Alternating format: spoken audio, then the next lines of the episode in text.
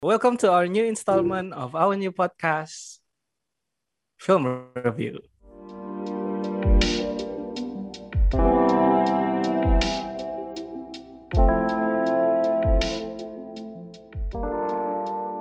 Oke. Kembali lagi sama aku Rahmat Alam Semesta dan co-host aku. Saya Matthew Francito. Hari ini kita akan mencoba suatu yang baru di podcast kita yaitu film review. Um, film review ini sebenarnya udah ditunggu-tunggu atau di request sama teman-teman kita pendengar di episode-episode sebelumnya. Pe- Untuk kalian yang pengen juga request tentang mau bahas film apa atau bahas apa dalam film, kalian bisa eh, request di @cinemaflex di Instagram. Gitu. Untuk hari ini kita akan membahas satu film yang lagi main di mana-mana ini. Dalam artian di festival tuh banyak banget mainnya. Baru juga sekarang ada di bioskop online. Jadi apa tuh tak filmnya yang akan kita bahas hari ini? Kita bahas film UNI, film Asik. dokumenter nih. Mid length ya, 72 menit. Jadi nggak nggak short juga tapi nggak feature juga gitu. Mereka ada di tengah-tengah. Menurut aku ini sangat film-film yang sangat unik, jarang banget kita lihat film-film seperti ini. Tapi karena kita hari ini akan mereview sebagai anak IKJ kan, anak IKJ itu sangat berkiblat sama Boardwell. Jadi kita akan bagi segmen kita. Yang pertama yaitu film form.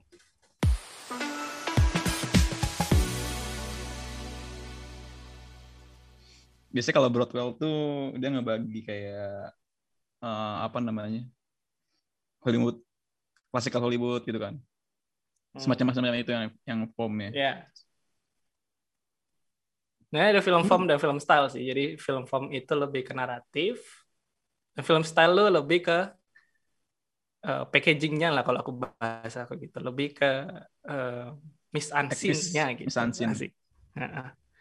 Naratifnya sendiri tuh em, kita lihat ya film ini itu filmmakernya nggak banyak memberikan suara dia ya. Kita cuma lihat itu di awal ketika kita ada subtext bahwa siapa mereka berdua ini. Lalu kita cuma hanya ikutin mereka eh, di keseharian mereka gitu. Eh, bagaimana Mbah Mbah siapa tuh namanya? Mbak Mbak Kamina dan Kusdel ini. Heeh. Eh, mereka melewati hari-hari mereka. Baru sampai salah satunya sakit dan akhirnya meninggal gitu. Um, uh, what do you think about the story lah? Eh, menurut gue ceritanya sangat menarik ya. Maksudnya kalau gue sendiri kan, gue pertama kali terpikat sama ceritanya kan dari temanya. ya. Dia ngangkat ngangkat cerita tentang tahanan politik ya tahun 65 ya. Eh, ju- jujur itu itu sangat menarik buat gua karena apa ya itu tema yang sejak gua masuk sejak gua jadi mahasiswa ya gue makin akrab dengan akan hal itu gitu. kayak waktu itu Hmm. dokumenter pertama yang juga sedikit nyinggung masalahnya gue inget tuh eh, apa? filmnya Joseph Oppenheimer lu tau kan Uh, Act Killing segala macam. Dia kan juga ngebahas tema yang hampir serupa gitu. Di tahun itu tahun 65 dan ketika gue uh, tahu ada film ini di di apa namanya di sinopsisnya kan dibilang ini Kamina dan dan Kusdal ini kayak pertemanan antara dua orang yang adalah tahanan politik. Dan hal itu langsung memikat gue karena gue karena menurut gue itu sangat menarik. Dan akhirnya gue nemuin pas gue tonton ya gue nemuin itu nemuin sisi sisi apanya sisi manusianya lah dari orang-orang yang dicap sebagai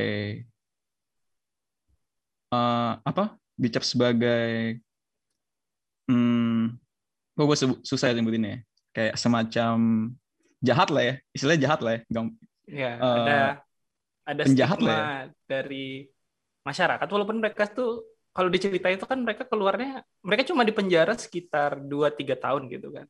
ada yang tujuh ya? Terus dari ini ada tujuh oh tahun ya sebenarnya tujuh gitu. Be- tapi itu mereka akan memegang burden sebagai tahanan politik tuh for the rest of their life gitu. That's that's the reason ada film ini kan sebenarnya. Itu Hmm. itu makanya kita lihat keseharian mereka itu di masa tua mereka gitu Iya, jadi kayak pas kalau pas kita tahu kalau mereka tuh dicap sebagai penjahat segala macem, dan film ini mau nunjukin kalau mereka beberapa dari mereka yang dicap sebagai penjahat itu justru sebenarnya mereka tuh pada dasarnya ya, ya sebenarnya juga orang biasa yang dia punya pilihan politik, tapi dia tetap manusia yang ya gitulah saling berbagi cinta, saling kasih di antara pertemanan mereka berdua ya khususnya Kusdalini sama Kamina itu dan Hmm. itu menyentuh sih buat gue. Kalau sebenarnya mereka tuh ya nggak sepenuhnya jahat gitu.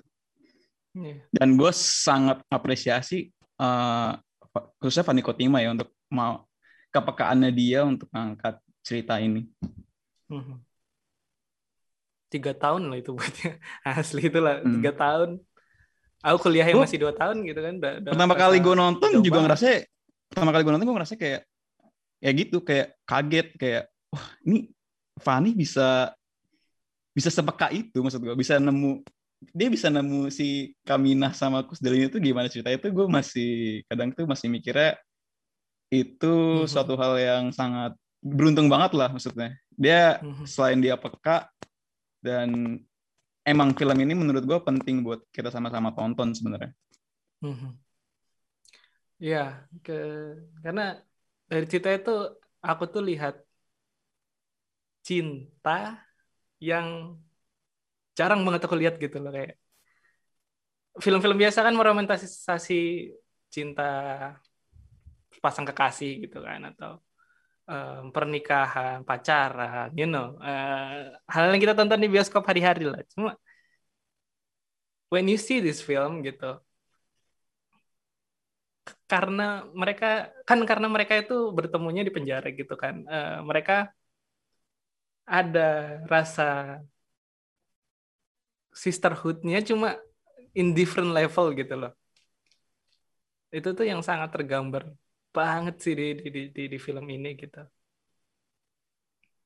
karena mereka juga nggak punya siapa-siapa kan ya itu kerasa banget ya karena Iya, mereka cuma iya, punya iya. satu sama lain aja berdua itu Ngeri sih asli sih. Anyway, ngomongin tentang film film ini tuh menurut aku juga sangat-sangat relevan dibuat sekarang gitu ya. Di di di, diproduce dan dirilis tahun-tahun seperti ini gitu. Soalnya gue tuh abis ngebahas ini di mata kuliah lain gitu. Jadi gue masih inget lah mikir mata apa, kuliah apa sosiologi, Pak. oh. ngomongin tentang orde baru gitu ketika dulu itu memang cerita-cerita seperti ini itu emang nggak bisa lu bahkan nggak bisa cerita gitu loh lu nggak bisa buat filmnya lu nggak bisa jadi ta- ketika eh, mungkin ketika masa muda mbah-mbah itu mereka juga nggak bisa untuk menceritakan ini lewat seni gitu atau lewat media lewat apa pun gitu karena memang saat mereka muda saat mereka ada di orde itu lembaga film saat itu juga mensensor tuh hal-hal seperti itu, tapi hal-hal yang lain tidak disensor gitu. Cuma Ya, cuma mempentingkan citra pemerintah saat itu Hmm. gitu. Jadi emang film-film 80 kalian lihat kan aneh banget gitu ya. Ada ada, ada yang gore-nya lah, ada violence-nya, tapi terus ada film-film hot-nya juga gitu kan. Cuma film-film seperti ini itu yang memang eh, mereka sensor tahun itu. Jadi seperti necessity lah menurut aku tuh ya sebenarnya kita tuh sebagai eh, masyarakat perlu nonton hal-hal seperti ini perlu diedukasi hal-hal seperti ini supaya kita melihat bukan hanya fakta yang ada dalam artian yang terjadi ABCDE tapi kita lihat kekuatannya film yaitu menekan empati dalam eh, dalam masing-masing karakternya dalam masing-masing manusia yang ada yang kita ceritakan gitu. Menurut aku tanpa film tuh beda banget rasanya ya. Dengan dengan film itu kita bisa ngerasain, apalagi dengan cerita seperti ini, kita bisa ngerasain bahwa sisi kemanusiaannya itu yang sangat ditonjolkan dibanding sisi-sisi yang lain lah, politiknya atau apa pun itu. Ya gitu sih. anything uh, kalau menurut lu secara struktur cerita kan lu penulis nih ceritanya ya kan di praktika lu ambil ambil penulisan lu juga sering baca buku tentang skenario ya kan menurut lu secara struktur hmm. tuh seperti apa tuh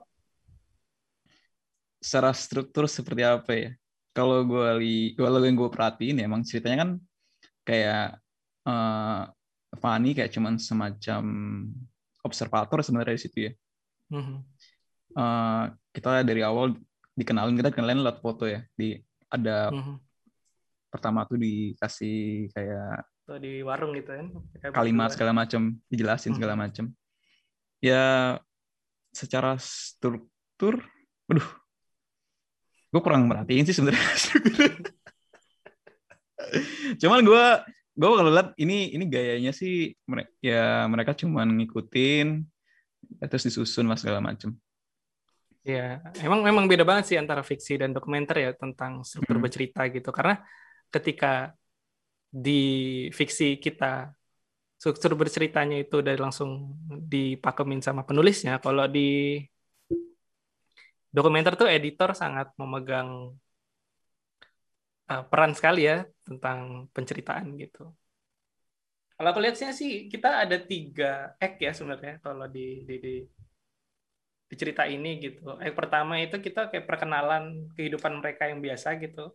Mereka yang mereka yang hidup sehariannya seperti apa, jualan kerupuk ya kan. Terus eh, mereka pergi ke perkumpulan orang-orang tua yang yang yang aku aku sangka sih itu mereka semua korban apa namanya eh, pelaku apa namanya kriminal apa politis apa tahanan politik gitu jadi gue bingung lah namanya tahanan politik gitu. pokoknya orang-orang gitu. yang punya pilihan politiknya yang waktu itu ya kayaknya berseberangan waktu itu lah ya ya seperti itu gitu sinya orang-orang tua gitu itu itu itu itu itu act pertama gitu yang act kedua itu ketika salah satu mbahnya sakit poinnya ketika gitu. ini hmm. Hmm. mbahnya sakit mbahnya sakit terus kita lihat gitu gimana uh, mereka gimana satu merawat satu lagi gitu loh. Gitu. Mereka merawat sesama lain apalagi ketika sakit gitu kan. Kita lihat gitu bahwa seperti apa uh, cinta mereka tuh di situ sih aku lihat tuh kayak anjir. Ngeri banget itu kayak apa cintanya tuh beneran tulus gitu lah yang kulihat itu. Walaupun mereka dulu memang tidak punya hubungan darah atau segala macam gitu itu baru ketiga di act terakhir kan emang emang act terakhir itu agak, cepat uh, ketika uh, salah satu dari mereka itu meninggal gitu Ih, sedih banget sih aku lihatnya kayak no gitu kayak uh, keren aja sih bukan bukan keren sih dalam artian sangat menyentuh gitu loh cerita ini itu menurut uh, sebenarnya kalau di yang menarik juga ya walaupun ini film dokumenter tapi kesan tetap ada itu ya tetap kayak tetap ada pembagiannya kayak ada hmm. tetap ada pembabakannya ya walaupun si hmm. Fanny konsepnya yang cuma ngikutin segala macam cuma kayak ada kalau dibagi itu bisa kayak pas Kusda ini sakit tuh kayak semacam turning point ke cerita kan lanjut hmm. akhirnya ceritanya berubah ke Kamina yang awalnya ngurusin sekarang dia harus pindah harus ngalamin situasi baru kalau si Kusdal ini sakit segala macam hmm. sampai akhirnya uh, kalau struktur dramatik itu kan babak kedua uh, aksi naik terus akan ada hmm. kayak semacam relief gitu ya kayak kayak masalah-masalah protagonis seakan-akan selesai gitu ya pas hmm. itu kan kelihatan pas si Kusdal ini akhirnya bisa balik ke rumah cuman akhirnya lanjut ke babak semacam babak terakhir gitu dan di situ si Kamina harus menghadapi uh, situasi baru lagi kali itu dia harus kehilangan sama kehilangan si Kusdalininya itu ya. Jadi emang seakan-akan walaupun ini film dokumenter, uh, ini yang gue apresiasi sebenarnya uh, nggak tahu sih gue gue sebenarnya nggak terlalu sering juga sih nonton film dokumenter ya. cuman kadang kalau gue mm-hmm. kalau gue ngikut ketemu film dokumenter tuh yang serasanya tuh kayak apa ya kayak film kayak film fiksi maksudnya kayak film fiksi pada umumnya gitu ceritanya hmm. tuh ada ada dramatisasinya gitu loh. Kayak tapi pada kenyataannya mereka kan nggak ngebuat itu. Maksudnya ketika dia uh, apa namanya? Iya, gue gue mau bikin film ini gitu. Tapi kan uh, si Fanny otomatis kan juga nggak mungkin dong dia tahu kalau uh, si Kusdal ini bakal sakit gitu. Terus hmm. Kamina hmm. harus harus menghadapi itulah dia harus kehilangan sama si harus kehilangan si Kusdal ini gitu. Hmm. Itu kan satu hal yang gak di gak, gak dirancang kan. Cuman hmm. dia dapat itu. Filmnya itu berhasil nangkap hal-hal yang sangat apa ya? Sangat pribadi bisa gue bilang ya. Hmm. Kayak adegan yang di rumah sakit itu itu gue nonton kayak wah ini bisa ditangkap gitu loh kayak sebenarnya gue tuh gak pernah kepikiran gitu loh kayak ini pribadi banget menurut gue kayak lu di rumah sakit cuman si si Fanny ini dapat kesempatan buat nangkep itu. Dan itu iya itu menyusun semua ceritanya itu. Dan yeah, akhirnya yeah. filmnya jadi filmnya jadi kayak gitu. Kita ngerasa apa ya? Kita ngerasa ya karena itu tadi ya bisa dibilang itu ada secara dramatisasi itu itu masuk gitu ke teori bisa di filmnya itu bisa dibedah pakai teori pembabakan film fiksi gitu dan akhirnya itu kan itu kan bisa dibilang tuh teori yang kalau penonton dapat itu ya secara otomatis secara karena teori itu pasti bisa kalau diterapkan penonton bisa dapat mudah gitu kayak itu udah udah formula banget kan untuk penonton bisa ngerasa mendapatkan sesuatu gitu kalau dia lagi nonton film dan itu kerasa di film ini dan gue apresiasi itu sih. Hmm. Yang pasti mungkin itu kali kenapa alasannya film ini tuh sampai tiga tahun gitu diproduksinya kan untuk film yang hanya 72 menit gitu. Ya kan? Um, dan berarti ada kedekatan sekali antara filmmakernya dan dan um, karakter yang diceritakan gitu pasti mereka sangat-sangat dekat ya dalam artian nggak mungkin nggak mungkin gitu kita langsung datang halo mbah saya shoot ya. Langsung kita dapat semua shot itu kan it's it's impossible gitu. Makanya ini aku sangat apresiasi proses produksinya sih. Aku yakin ini challenging banget sih. Tiga tahun ya? Gak tahun gue SMA lulus cuy. Udah dapat ijazah, dia cuma dapat satu film asli. pasti mereka banyak banget ini ya, pasti banyak banget adegan-adegan yang gak dipakai pasti ya. Yakin sih, aku aku yakin sih. Hmm. Nah, itu di di situ lah menurut aku tuh memang editing antara editing film fiksi dan dokumenter tuh sangat jauh gitu, sangat berbeda, sangat berbeda lah antara antara perannya dan apa yang mereka lakuin itu sangat-sangat berbeda sih menurut aku. Oke oke. Terus apa lagi itu? Ada lagi nggak mau tambahin? Udah sih kalau dari naratif sih itu sih udah. Oke. Setelah kita bahas naratif, berarti sekarang kita lanjut ke film style.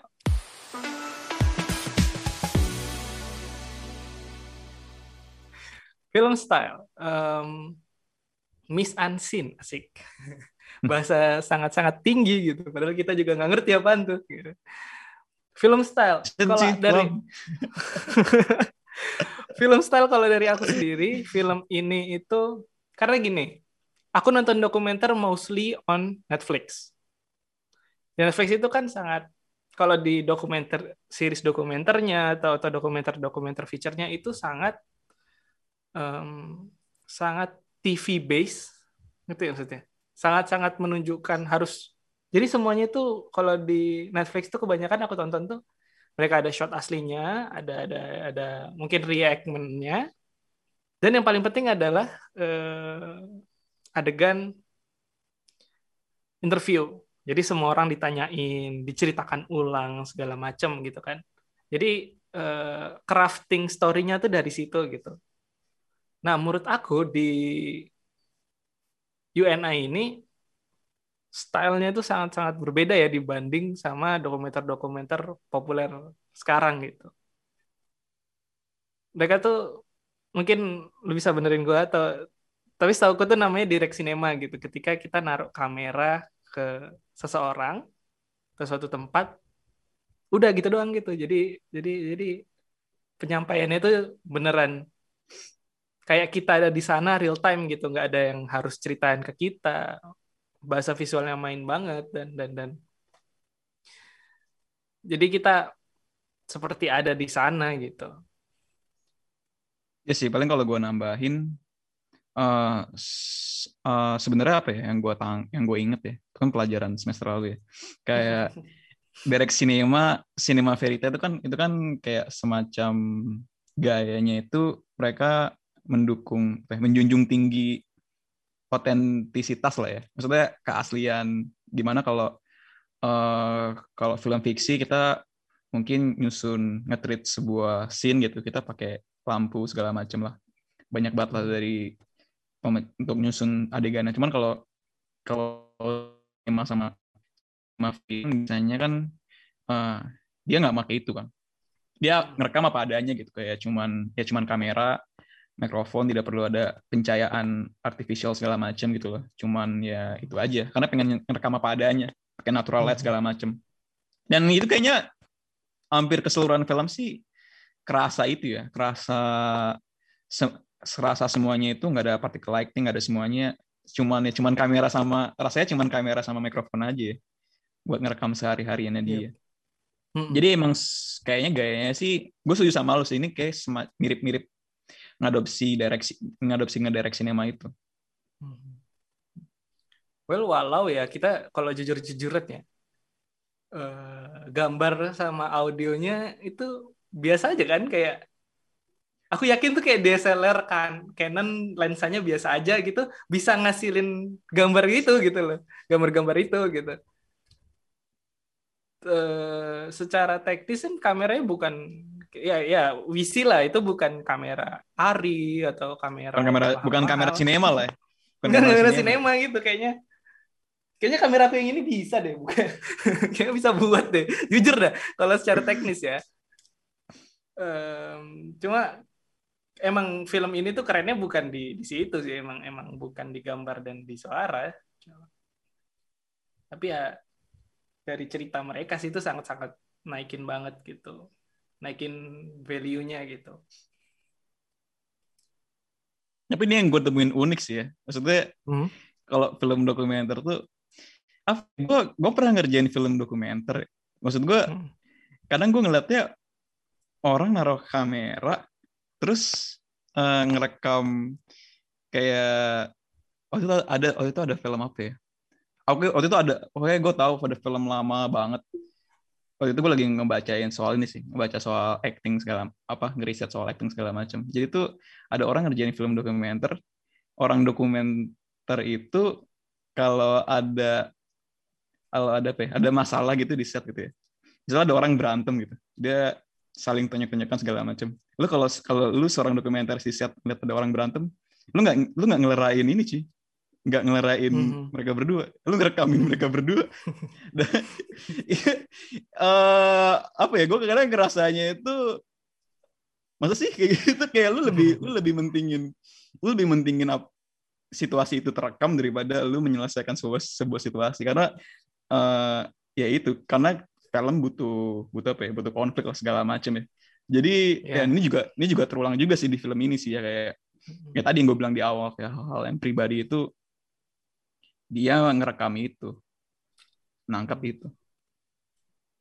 Kayaknya memang ada semacam kode etiknya deh. Emang filmmaker Kayaknya, tuh gak boleh involve sama sekali gitu loh dalam artian. Maksud kode etik dalam artian apa ya? Maksudnya kalau ya kalau misalnya gitu mereka sih? beneran berantem ya udah kita nggak usah ngapain kan memang harusnya kita tidak ada di sana gitu sebagai filmmaker ya kan? Ya kan ya nggak sih kayak misalnya mbah kemarin deh ada misalnya adegan kakinya sakit naik naik naik angkot. Kan tidak dibantu toh sama filmmaker ya karena memang keseharian mereka emang tidak ada yang iya ngebantu gitu. Mereka Jadi, tuh ke sana cuma ngerekam doang. Jadi hal-hal tersebut seakan-akan kayak diiakan ya, justru di, diperbolehkan gitu ya. Iya dong, kan emang itu yang dijual, emang itu yang Otomatis dicari. lu emang itu yang dicari ya. Tapi gak tahu ya gue gue gue kan hidup kayak emang agak-agak gimana gitu ya? Misalnya lu kan lu kalau lu kalau kalau ketemu kayak nenek-nenek gitu mau nyebrang jalan gitu. Terus lu kan otomatis secara otomatis lu tergerak hatinya buat lu ngebantuin nenek-nenek itu buat nyebrangin jalan gitu loh. Karena lu nggak mau jadi apa-apa. Cuman kalau kalau dokumenter ini nih ada nenek-nenek kesusahan turun angkot ya udah biarin aja dia kesusahan turun angkot. Ya bener Kayak- karena di kesehariannya emang gak ada yang bantu gitu kalau misalnya. Karena karena dia ngerem terus jatuh gitu sel. Gerak jatuh gitu. Ya kan? Emang jatuh gitu. Kita filmmakernya kan gak ngapa-ngapain gitu. Ada ada orang jatuh kita gak bantuin apa-apa cuy. Kayak kita ngebiarkan hal itu dan kita malah rekam. Seakan-akan tuh malah ya udah it's it's fine it's okay gitu. Tapi Itu kan emang ada menurut gue tuh unik sih. Ya tapi kan karena niatannya untuk menceritakan. Realita mereka gitu kan. Bukan cuma untuk story Instagram doang gitu itu emang sedih banget sih. Iya iya jatuh. Ya nenekku jatuh. Asik. Gitu. Serem juga ya. Iya sih. Oke oke. Oke kalau scene favorit lo apa tuh? Di Scene favorit, film ini scene, scene favorit gue tentunya yang pas ini sih, yang pas dia pas Kusdal ini apa ya, pokoknya intinya pas Kusdal ini sakit ke rumah, dia masuk ke rumah sakit itu ya. Mhm. Itu tuh gue langsung sangat apa ya, sangat emosional banget di situ. Kayak gue inget, yang gue inget ya gue rasanya kayak air mata gue tuh langsung secara otomatis tuh bercucuran gitu ya ya ya pas di pas di rumah sakit itu kayak gue gue nggak mau kayak gue nggak mau gue maunya gue mau kusdal ini baik-baik aja gitu. Karena gue ngerasain kayak mereka yang tadi ya karena di babak awal gitu dia kenalin sama kusdal yang emang mereka hidup cuma berdua aja gitu. Dan ketika satu sakit gue ngerasanya ya gue udah teride- teridentifikasi lah sama Kamina lah. Gue nggak mau kehilangan kehilangan apa ya? Kehilangan soulmate gue gitu intinya kehilangan bukan pasangan sih bukan ya pasangan hidup sih sebenarnya sih ya. Mm-mm. semacam semacam itu ya kayak teman satu-satunya buat gue itu ya cuman Kusdal ini seorang gitu nggak ada nggak ada orang lain selain dia gitu kalau misalkan gue kehilangan dia gue kehilangan temen gue bakal ngerasa kosong karena cuman dia doang pengisi hidup hidup gue ya gue udah ter, gue ngerasa gue udah terbiasa ngolesin salep gitu di lutut orang yang paling gue orang yang satu-satunya orang yang ada di hidup gue dan kalau misalkan dia nggak ada gue harus harus ngelepas itu semua kan segala macamnya dan dan akhirnya ya kata gue ngerasa hidup gue bisa jadi meaningless gitu kalau nggak ada dia. Dan memang cuma dia doang juga yang ngelakuin hal kebalikannya untuk gue gitu. Dan akhirnya ya gitu gue nggak mau kehilangan sama gue teridentifikasi sama Kamina gue nggak mau kehilangan Gus Dal ini gitu sih. Mhm.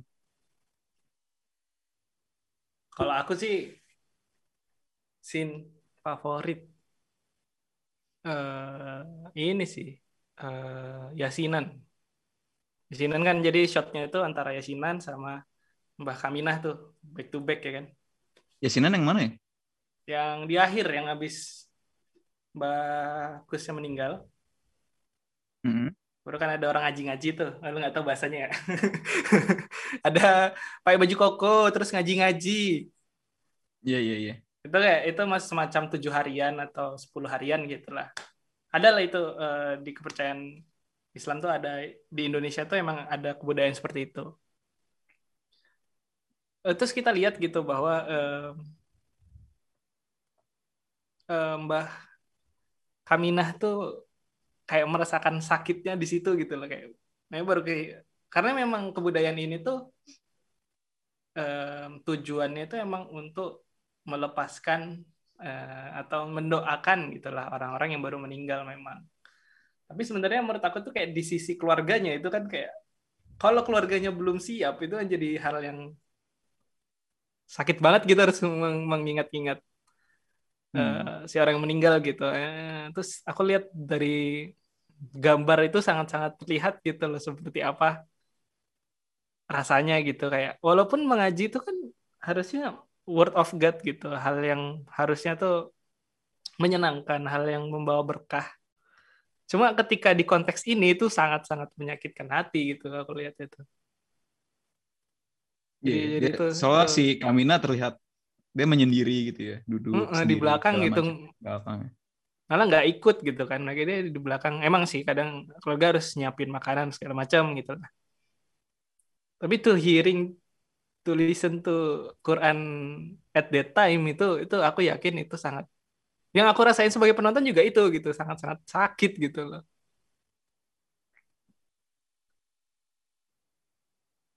Oke, oke. so eh, setelah kita semua bahas tentang aspek ini berarti sekarang kita masuk ke segmen konklusi. Asik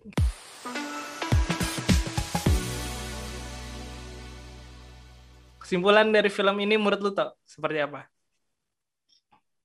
Film ini sangat sangat spesial ya sebenarnya karena dia nangkap satu kehidupan yang menurut gua penting buat kita semua sama-sama nyaksin ini cerita sih. Karena ya apa ya? eh, mereka kan emang orang-orang yang udah terstigmatisasi jadi orang yang dalam kata kutip diantagoniskan lah. Mhm. ya kayak gue juga ngalamin itu lah kayak eh gue di di pendidikan gue itu di SM di SD SMP SMA gue juga ngelihat mungkin ya kalau dulu dulu sebelum gue kuliah gue juga ngeliatnya mereka itu ya emang orang-orang yang jahat gitu loh, segala macam cuman film ini eh, berusaha untuk ngangkat kehidupan sehari-hari mereka dan kita diajak untuk benar kata tadi dia menekankan empati, menekankan simpati, akhirnya kita bisa teridentifikasi sama orang-orang ini dalam dia itu harus bagaimana mereka harus menjalankan hidup mereka, yaitu menjalankan hidup mereka dengan banyaknya penolakan di segala di lingkungan sekitar mereka dan segala macam dan itu susah gitu. Dan akhirnya mereka pun terkurung di situ dan mereka cuman hidup berdua gitu.